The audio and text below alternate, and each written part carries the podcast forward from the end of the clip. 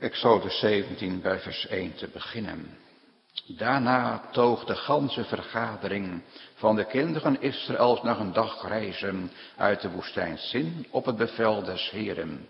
En zij legerden zich te Rafidim. Daar nu was geen water voor het volk om te drinken. Toen twistte het volk met Mozes en zeide, geeft gij ons water, wat wij drinken, dat wij drinken. Mozes dan zeide tot hem, wat twist gij met mij? Waarom verzoekt gij de Heere? Toen u het volk al daar dorste naar water, zo murmureerde het volk tegen Mozes. En het zeide, waartoe hebt gij ons nu uit Egypte doen optrekken, opdat gij mij en mijn kinderen en mijn vee van dorst deed sterven? Zo riep Mozes tot de Heere, zeggende, wat zal ik dit volk doen? Er valt niet veel aan, of zij zullen mij stenigen. Toen zeide de Heer tot Mozes, ga heen voor het aangezicht van het volk en neem met u uit de oudste van Israël en neem uw staf in uw hand, waarmede gij de rivier sloeg en ga heen. Zie, ik zal al daar voor uw aangezicht op de rotssteen in Horeb staan, en gij zult op de rotsteen slaan, zo zal het water uitgaan, dat het volk drinken. Mozes nu deed al zo voor de ogen der oudsten van Israël. En hij noemde de naam der plaatsen Massa en Meriba, om de twist der kinderen van Israël. En omdat zij de Heer verzocht hadden, zeggende, is de Heere in het midden van ons of niet?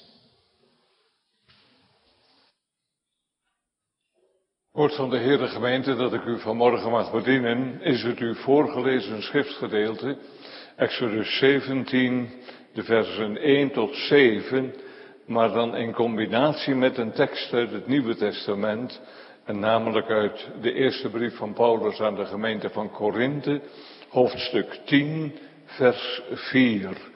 Dus de tekst is Exodus 17, vers 1 tot 7, de versen die we zojuist hebben gelezen, en daaraan gekoppeld, en als u hem leest, dan zult u het wel begrijpen, 1 Korinthe 10, vers 4. Daar lezen we het tweede deel van onze tekst.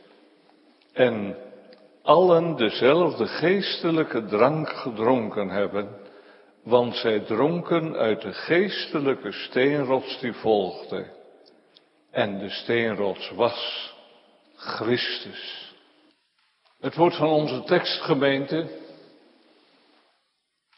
herinnert ons vanaf het begin aan dat bekende gedeelte van de Bijbel dat wij al vanuit onze kinderjaren, dat zal tenminste van de meeste van ons ook wel gelden, kennen als de woestijnreis. En ook de tekst die vanuit het Nieuwe Testament daaraan verbonden is, spreekt over diezelfde geschiedenis die zo heel bepalend is geweest voor het volk van God in het Oude en in het Nieuwe Testament. Onderdeel van de woestijnreis. Die veertigjarige reis van Israël vanuit Egypte, waar het eeuwenlang in slavernij had gezucht onder de knoet van de Egyptenaren en de dreiging van de farao. Een reis die voerde door de woestijn.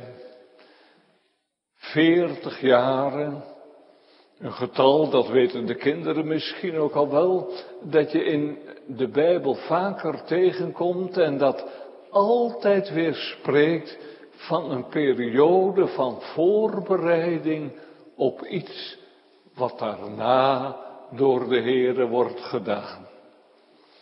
Israël onderweg uit het slavenhuis naar het land van de belofte, het land van de vrijheid, het land van de vrede.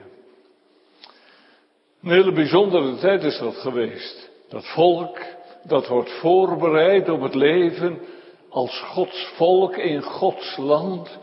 Straks in vrijheid en in vrede, ieder onder zijn wijnstok en onder zijn vijgenboom, genietend van de overvloed van melk en honing, die hen van ouds al is toegezegd. En door de eeuwen heen hebben we de woestijnreis gezien als een beeld van Gods volk dat onderweg is vanuit het diensthuis van de zonde door de woestijn van het leven naar het land waar God zijn volk thuis brengt. Het hemelse Canaan, het land waarvan die oude psalm al zingt, daar zal zijn volk weer wonen naar zijn raad. God eeuwigen zijn volle gunst betonen. Die geschiedenis van de woestijnreis, is u misschien al wel eens opgevallen dat dat een gedeelte uit de Bijbel is waar dominees nog wel eens graag over preken. Het is ook een geschiedenis die boordevol is van lessen voor Gods volk dat onderweg is. Heerlijke lessen. Want wat zie je in deze hoofdstukken wie de Heere is en wil zijn voor zijn volk. Tegelijkertijd ontdekkende lessen. Als je ziet wie dat volk is voor de Heere. En dwars door dat alles heen schittert voortdurend in deze hoofdstukken en deze boeken de trouw van de Heere, van wie zijn volk het zingt. Ze werden dagelijks begenadigd met manna, hemelsbrood verzadigd. Nou, iets daarvan, gemeente, wordt zichtbaar in de tekst die vanmorgen onze aandacht vraagt. Wij lezen hier namelijk, de Heere geeft in de woestijn water uit de steenrots. We letten ten eerste op de situatie waarin hij dat doet. We letten in de tweede plaats op de mensen voor wie hij dat doet. En we letten in de derde plaats op het geheim waardoor hij dat doet. Dus de Heere geeft zijn volk in de woestijn water uit de steenrots. De situatie waarin hij dat doet. De mensen, het volk, waarvoor hij dat doet. En het geheim waardoor hij dat doet.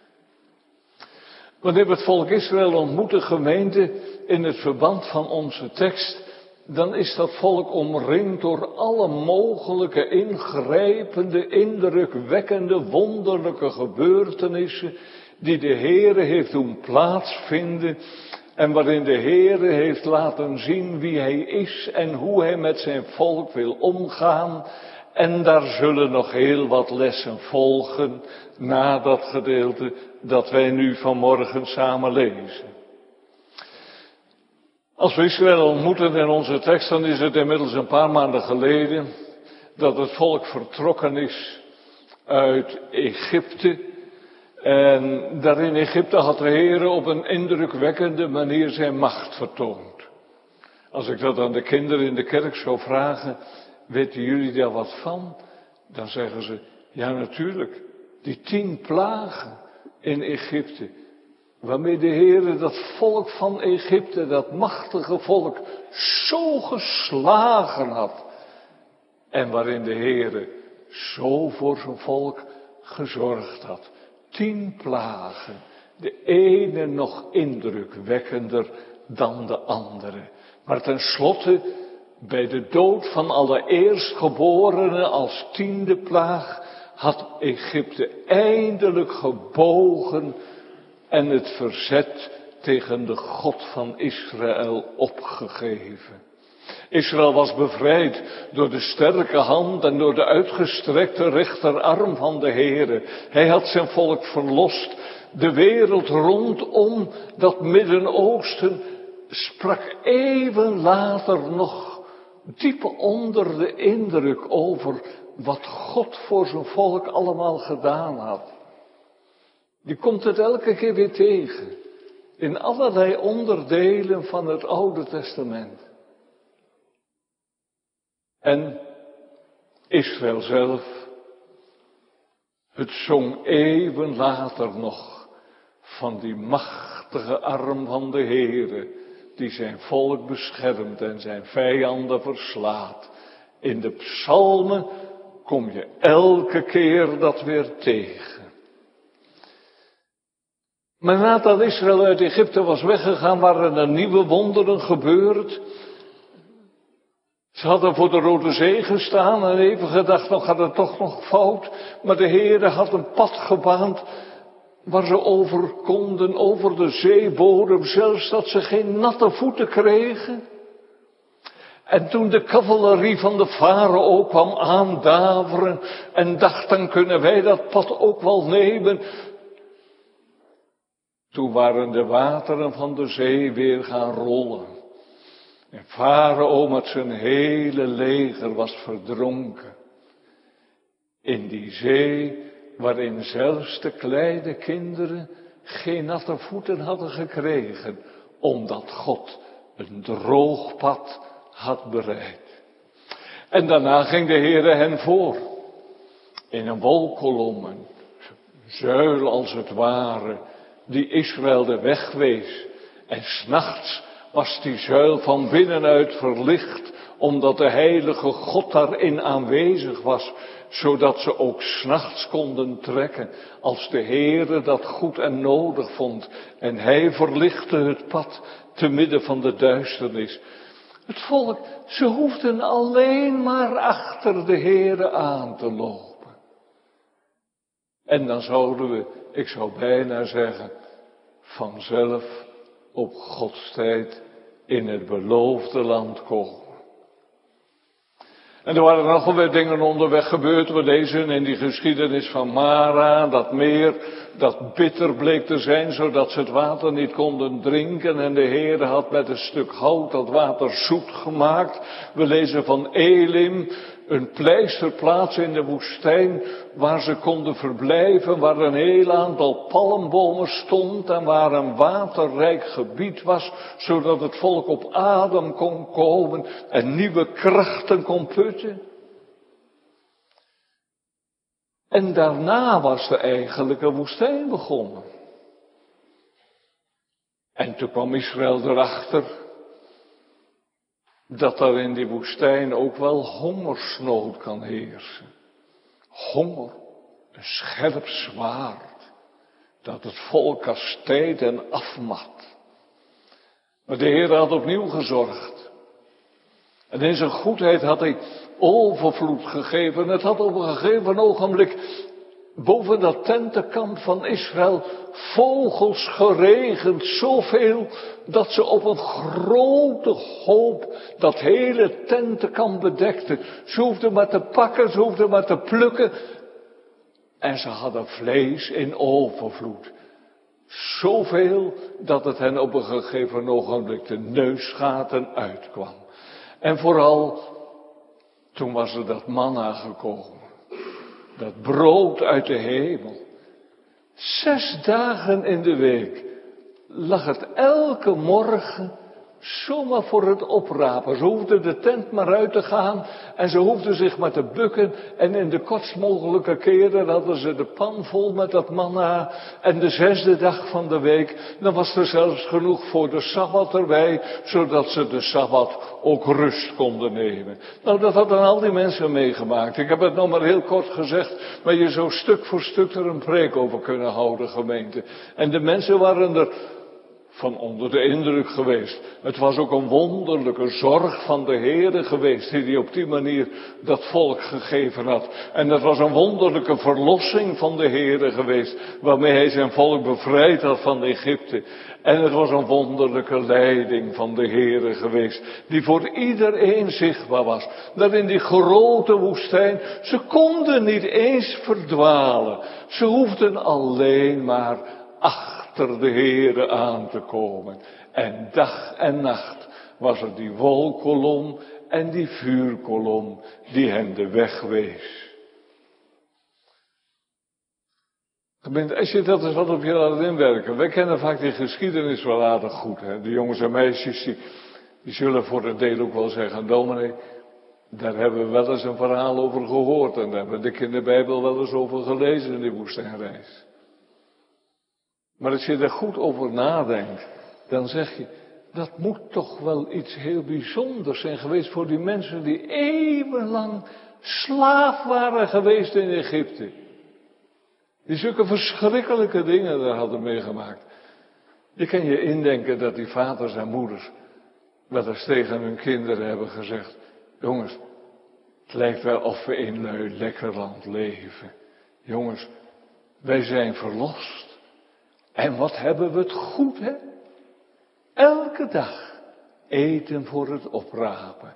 Elke dag gaat God voor ons uit naar het beloofde land.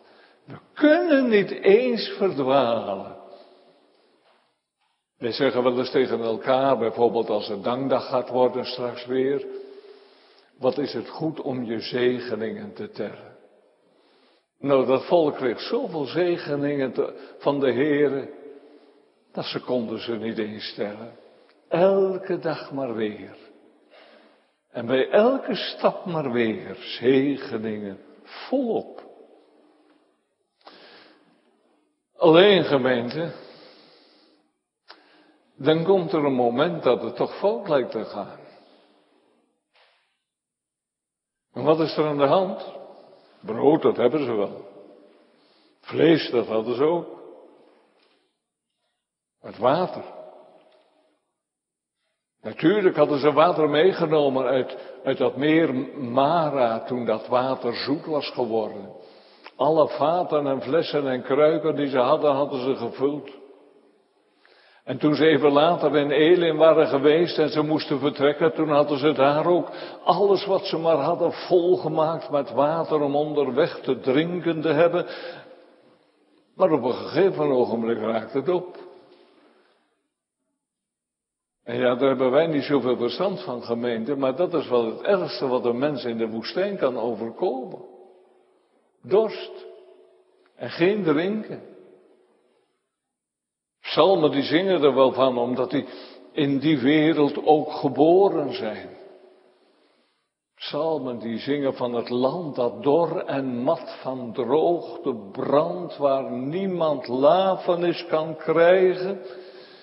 Nou, daar hadden deze mensen in Egypte nooit problemen mee gehad. Wat ze ook aan problemen hadden gemeente, maar we kunnen uitrekenen op onze vingers dat ze nooit aan dorst hebben gehad. Want ze hadden hun woongebied aan de oevers van de Nijl. En dan nog wel in Goosen, de Nijldelta, waar overal van die zijtakken van de Nijl waren. Water was er altijd in overvloed. Wat ze ook misten, water nooit.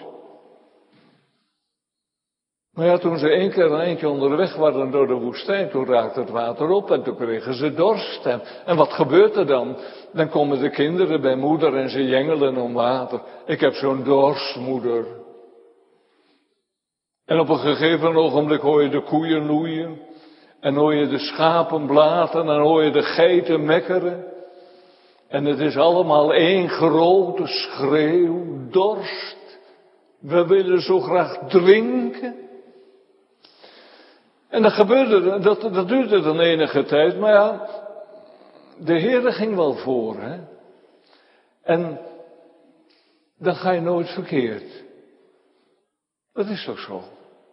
Dat zeggen wij toch vandaag ook tegen elkaar. Als je maar in de weg van de Heer bent. Als je maar weet dat de Heer het goed vindt dat je die weg gaat. Dan kan er toch eigenlijk niet zoveel misgaan. En bovendien, ze hadden Mozes als leidsman en die Mozes, die was de afgelopen veertig jaar juist in dat gebied werkzaam geweest als herder van de schaapskudde van zijn schoonvader Jethro. En dat wil zeggen, Mozes die kende dus dat gebied als zijn broekzak. En toen de mensen tegen Mozes zeiden, Mozes, waar kunnen we nou water vinden? Toen had Mozes gezegd, wacht nog maar even. Want binnenkort dan komen we in een plek en die heet Rafidim. En Rafidim, dat betekent pleisterplaatsen. Dat betekent dat iemand daar zijn tent kan opslaan, omdat hij daar eten en drinken kan vinden. En Mozes die zegt, daar gaan we naartoe en dan legeren we ons aan de rand van een waterrijk en vruchtbaar gebied en dan is alle leed geleden. Maar ja, dan komen ze in Rafidim.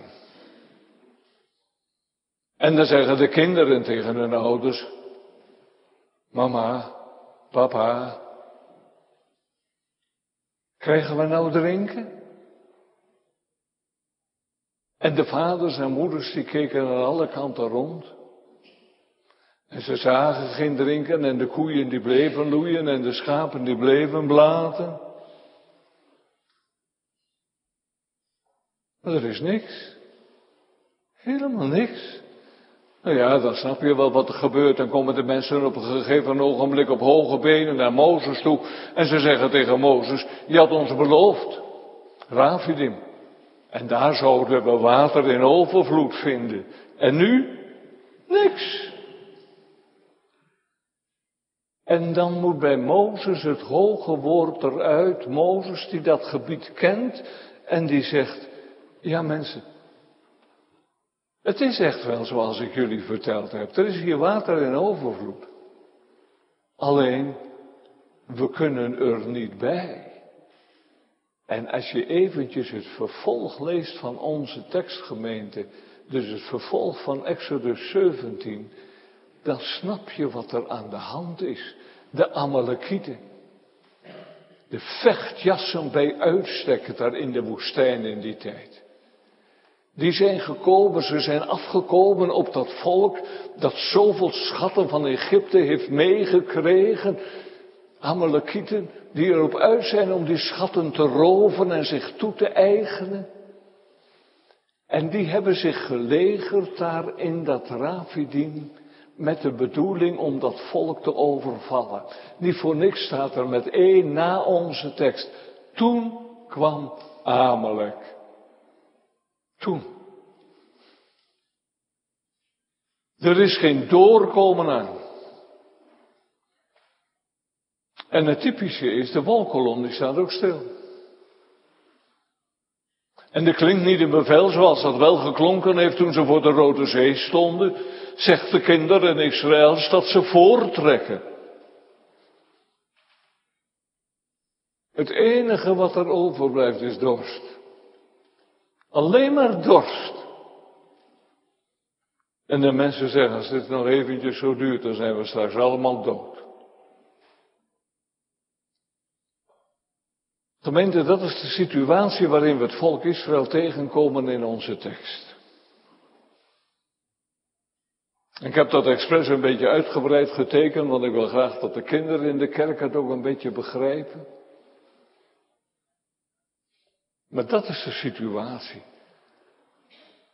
En ik snap best als er nou een jongere in de kerk zit, die al lang op het puntje van zijn bank zit, en die al lang zijn mond wilde open doen, en mij in de reden wilde vallen.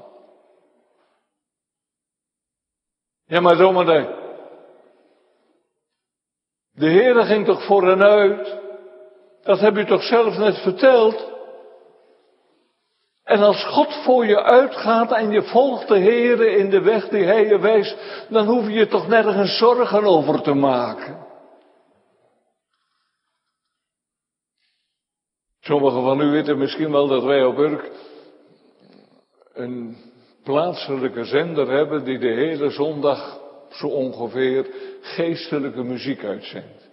Dat begint om acht uur en dat gaat door tot zondagavond tien uur.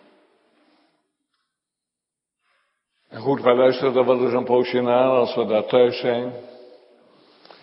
En het is mij wel eens opgevallen hoe vaak iemand, want dan mag je een, een, een verzoeknummer opgeven, bijvoorbeeld voor iemand die erg ziek is of zo. Hoe vaak daar gezongen wordt op de een of andere wijze. Wat de toekomst brengen mogen, mij geleid des Heeren hand. Nou, als dat nou het geval is, dan hoeft de mens zich toch nergens zorgen over te maken. Dan hoef je alleen maar achter de Heer aan te komen.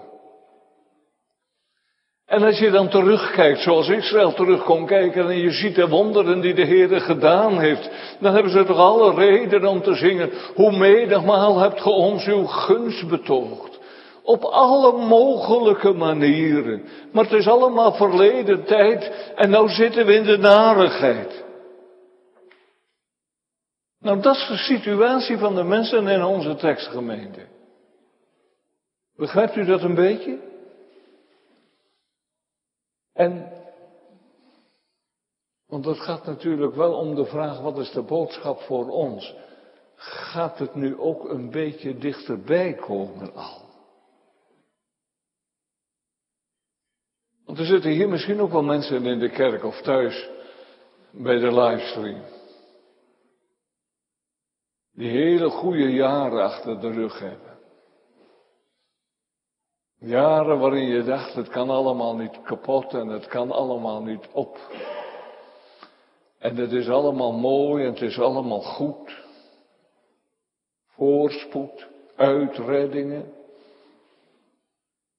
Mensen die misschien wel zeggen, we hebben Gods vaderlijke hand gezien. En die hand was zegenend naar ons uitgestrekt. We waren gezegende mensen. Wat heeft God voor ons gezorgd? En toen. En misschien is dat wel het verhaal van het begin van dit jaar. Toen dat woord corona inbrak in onze geruste samenleving.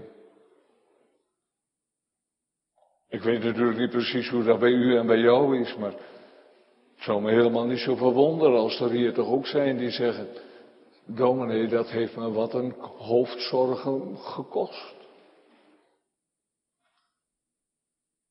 En het ging in mijn bedrijf hollend achteruit. En als ik dan hoor dat er nou een tweede golf aan lijkt te komen en ik hoor dat er plannen zijn om alle mogelijke maatregelen te nemen, misschien wel een complete lockdown voor onze samenleving, dan weet ik niet meer hoe het verder moet. Maar dan ben ik bang dat er van mijn bedrijf niks overblijft en dan ben ik bang dat ik mijn baan, mijn, mijn, mijn, baan kwijtraak.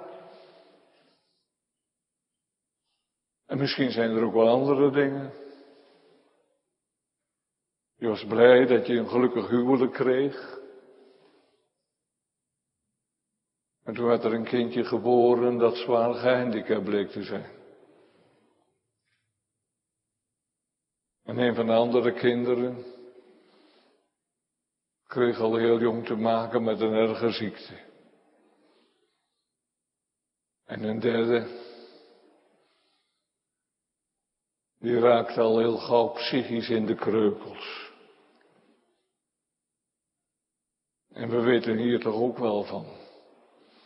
Kinderen die als het ware uit de armen van ouders zijn weggerukt door een ongeluk op de weg.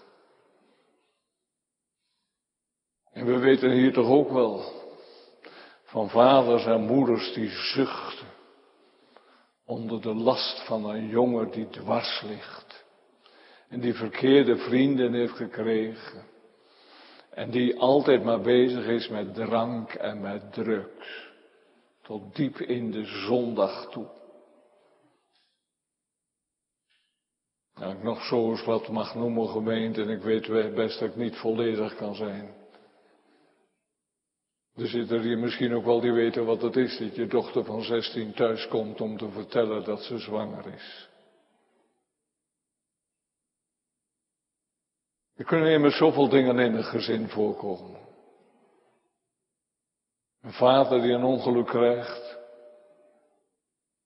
uitgeschakeld wordt van zijn werk, een moeder die ziekelijk is,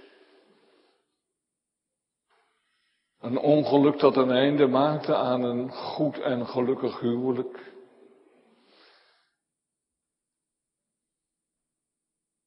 Kan best wezen dat ik nou net niet noem wat, wat u hebt meegemaakt en wat in uw leven speelt.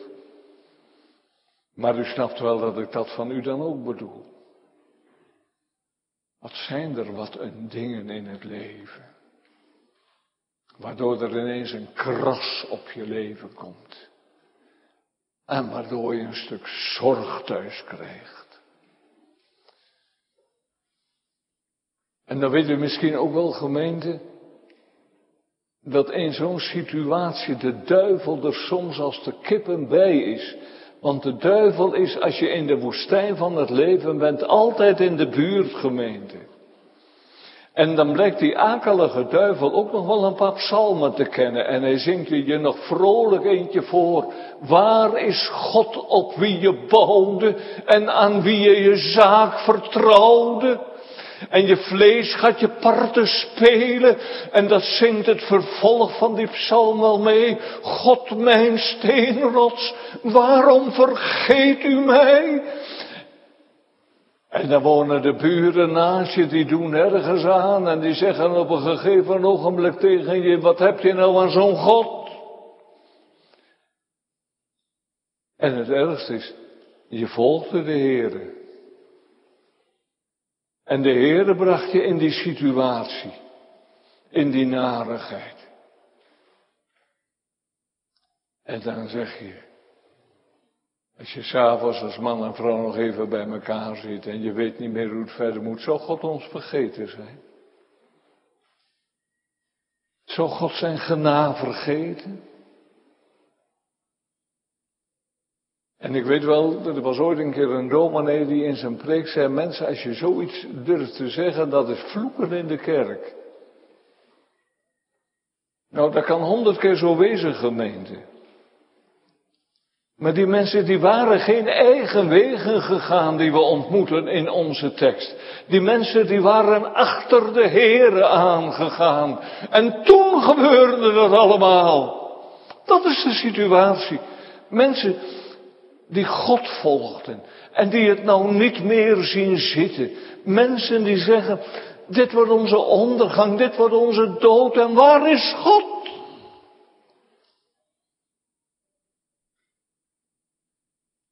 Daar moeten we natuurlijk wel even ook goed naar kijken, gemeente. Wat voor mensen zijn dat nou eigenlijk over wie het in onze tekst gaat? Niet zoveel goed van te zeggen is niet waar. Kijk, je kan natuurlijk zeggen, het is heel begrijpelijk dat mensen zo gaan reageren. En als je een Bijbels voorbeeld noemt, dan, dan denk je al gauw aan Job die ook wel hele erge dingen tegen God heeft gezegd in die situatie. Maar dan zeggen wij, kun je niet begrijpen? En die psalmen, waar we soms ook hele pijnlijke dingen horen, is niet zo vreemd.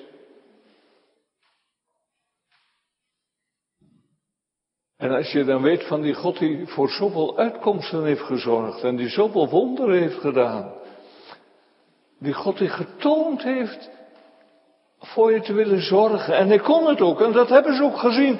En daar hebben ze ook van gezongen. Zijn machtige arm beschermt de vromen. En redt hun zielen van de dood. Hij zal hen nimmer om doen komen. In dure tijd en hongersnood. Wat ze van God ervaren hebben gemeente. Dat geeft toch alle moed om, om te blijven zingen. God zal voor je zorgen. Ze hadden elkaar kunnen wijzen op de wonderen in Egypte. Ze hadden elkaar kunnen wijzen op wat er gebeurde bij de Rode Zee, op wat er gebeurde in Mara. Ze hadden elkaar kunnen wijzen op de kwakkels die, die daar in het tentenkamp bij duizenden waren neergevallen om het volk te voeden. Ze hadden kunnen wijzen op dat manna dat elke morgen weer voor de tent lag. Ze hoefden alleen maar te bukken om het op te rapen. Gemeente, als je het goed bekijkt, dan zeg je, deze mensen hebben alle reden gehad om, om, om te zingen. Ik zal gedenken hoe voor deze ons de Heere heeft gunst bewezen. En wat doen die mensen? Ze doen waarom de woestijngeschiedenis bekend is geworden. Murmureren. Een klanknabootsend woord. Je hoort als het ware wat het is. Hè? Murmureren. Mensen die mopperen tegen God. Mensen die klagen over God. En dat is niet voor het eerst dat we dat hier lezen. Dat komt in de woestijngeschiedenis heel wat keren voor. Elke keer maar weer doen ze dat. Net als in, Psalm 77, ik zal gedenken hoe voor deze ons de Heer heeft gunst bewezen. Schatte mij geheel verloren, wou van geen vertroosting horen. En dan lezen we in onze tekstgemeente ook die namen die aan die plaats worden gegeven. De namen Massa en Meribah. En die namen die laten ons nog wat dieper zien met wat voor volk we daar te maken hebben. Want dat woord massa, dat wil zeggen, die mensen die twisten met God. Ze zijn het met God niet eens. Ze zeggen tegen God, waarom hebt u en waarom doet u en waarom wilt u? En Muriba, dat wil zeggen, ze verzoeken God. Niet in geloof, maar in ongeloof, oneerbiedig. Laat God dan maar eens laten zien dat hij er is en dat hij met ons te maken wil hebben. Heel uitdrukkend en uitdagend ballen ze hun vuisten naar de hemel. Is God er nou eigenlijk wel? En als God er is, is hij dan ook wel bij ons of niet? Dan moet je nou eens even proberen in te denken, gemeente. Dan zeggen ze tegen zo'n God die zo zijn macht heeft getoond er in Egypte. En bij de Rode Zee. Dan zou je daar alleen maar aan denken, gemeente, toen hij zijn volk een pad bereidde. Waardoor de kinderen zelfs met droge voeten over de bodem van de zee naar de overkant konden lopen. Terwijl Farao met al zijn strijdwagens door die golven werd overspoeld en meegesleept naar de dood. En dan zo'n houding. En dan moet je je indenken dat er in het midden van dat volk die wolkolom hing. En als het nacht werd, dan zag je door die wolk heen iets van vuur, iets van een gloed. En dat bewees hen dat de heilige God daar in het midden van zijn volk aanwezig was. Gemeente, als je daar goed over denkt, dan gaat toch huiveren. Wat we hier lezen, gemeente, dat is al, dat is al verharding. Verharding. Psalm, Psalm 95 zingt ervan en we hebben meegezongen. Verhard u niet, neemt zijn gena ootmoedig aan. Laat Muriba, laat Massa u ten afschrik wezen.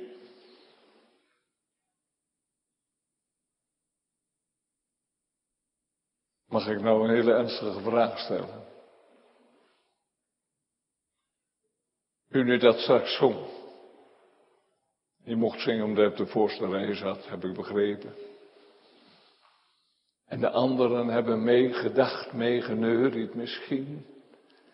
En daardoor misschien nog wel nadrukkelijker de woorden op zich af zien komen. Kwam dat ook bij je binnen? Als je er goed over denkt, gemeente. Dan ga je huiveren. Dan zeg je, dat nou verharding.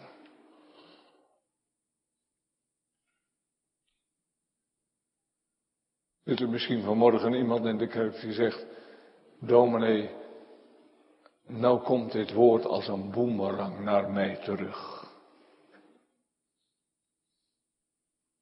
Zitten er hier ook mensen die zichzelf herkennen? Mensen die zeggen, zo heb ik tegenover God gestaan. Toen dat verschrikkelijke in mijn leven gebeurde. En misschien zitten er ook wel die zeggen, nou meneer, zo sta ik vandaag tegenover God. Een God die ik niet begrijp. En een God met wie ik het niet eens ben. Als u nog niet goed begrijpt wat ik bedoel, dan mag ik misschien een voorbeeld noemen. Dat las ik een poosje geleden in een kerkblad. Moeder van een vrij groot gezin lag op haar sterfbed. En die moeder was vreselijk bang om te sterven, want ze was bang dat ze God niet kon ontmoeten en dat ze bij de Heer niet welkom was. En toen kwam op een gegeven ogenblik de oudste zoon binnenstappen. Die was ergens anders nog even geweest. Die hoorde dat van die angst van zijn moeder en die stapte naar de bed toe en die zei, moeder, als u niet in de hemel komt, dan wil ik met die God nooit meer te maken hebben. Want moeder, als er eentje is die de hemel verdiend heeft, dan bent u het. Voelt u? Hoe vaak heb u en heb jij dat gedacht dan? Waar heb ik dit aan verdiend? Alsof wij ooit wat verdiend hebben tegenover God. Gemeente, niet voor niks zegt die psalm. Verhard u niet. Kijk nou eens even wie God is. Wat hebben wij verdiend, gemeente? En hoeveel gunsten heeft die God ons al bewezen? Je bent wel gerecht, gemeente, om te denken als het zover is met het luisteren naar deze tekst. Nou hou ik mijn hart vast.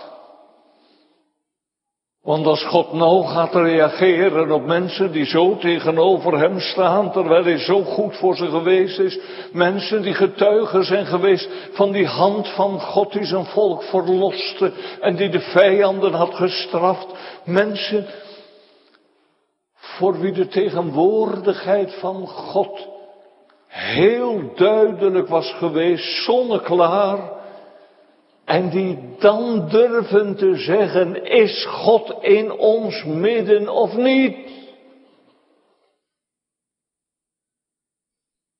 Gemeente, je moet toch maar durven.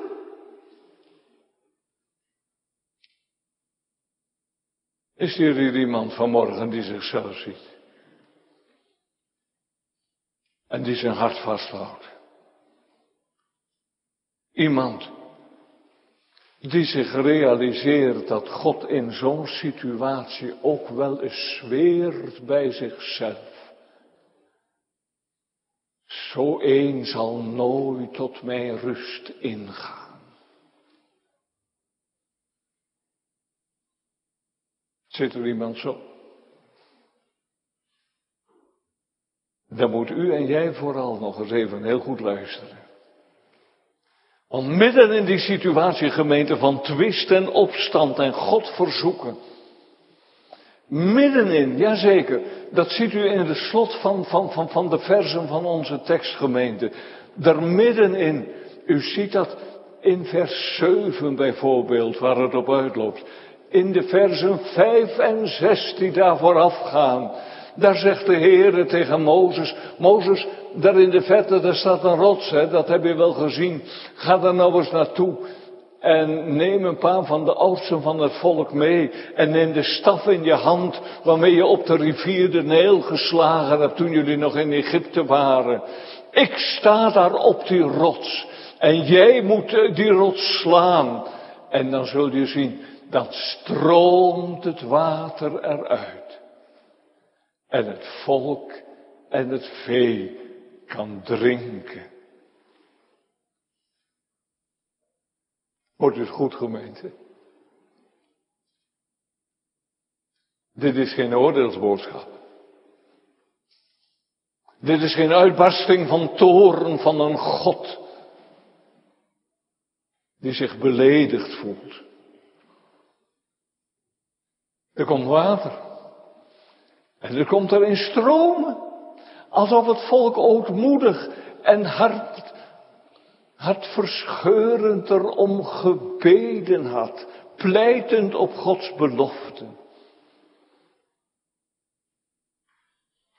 Misschien denkt u, nou komt er weer een psalm bij me boven. Nou, dat is bij mij ook het geval. Wat zingt die psalm? Hij handelt nooit met ons naar onze zonde. Hoe zwaar, hoe lang wij ook zijn wetten schonden. Hij is het die ons zijn vriendschap biedt. Gemeente, dat is de machtige boodschap van het slot van onze tekst. Dat er water komt. Water, dat wil zeggen, dat is leven voor mensen die de dood verdiend hebben. Wat een rijk aanbod van genade. En aan het eind van de woestijnreis gebeurt het nog een keertje, gemeente. Om het volk te leren, zo'n God is de God van Israël.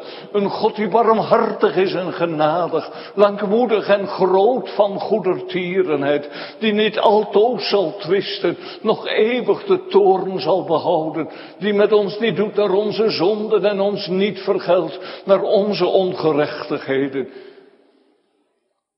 Ja, maar zegt u, dominee, nou snap ik er helemaal niks meer van. Hoe kan dat nou? Daarom heb ik met u ook 1 Korinthe 10 vers 4 gelezen. En gezegd, gemeente, dat hoort bij onze tekst. 1 Korinthe 10 vers 4. Daar schrijft Paulus over dat volk in de woestijn. Als een voorbeeld voor de nieuwtestamentische gemeente. En Paulus zegt, ze hebben allen gedronken uit de steenrots. En die geestelijke steenrots die volgde, was Christus. Christus. Daar in de woestijngemeente. Nog voor de verbondsluiting op de Sinaï. Daar was Christus al aanwezig in het midden van het volk van het verbond. En hij was het die hen water schonk, leven en overvloed. En toen ik dat zag, gemeente, toen begreep ik ineens wat ik eigenlijk nooit had begrepen waarom Mozes op die steenrots moest slaan. Die steenrots is Christus, zegt Paulus. Christus die moest geslagen worden. En dan snappen de jongens en meisjes wel wat ik aan denk. Nou denk ik aan de Heer Jezus op Golgotha waar hij geslagen werd, waar hij gemarteld werd. En de liederen rond het kruis die zingen daarvan, ik kost hem die slagen. Waar het bloed door hem gestort voor mij de bron des levens wordt. Gemeente, daarom kon de Heere daarbij Horeb in de woestijn zwijgen in zijn liefde over de zonde van zijn ontrouwe en opstandige volk, dat hem op uitdaagde en dat zij, laat God dan eens laten merken dat hij er is. Daarom was hij er niet toen zijn zoon geslagen werd. En dan riep mijn God, mijn God, waarom hebt u mij verlaten?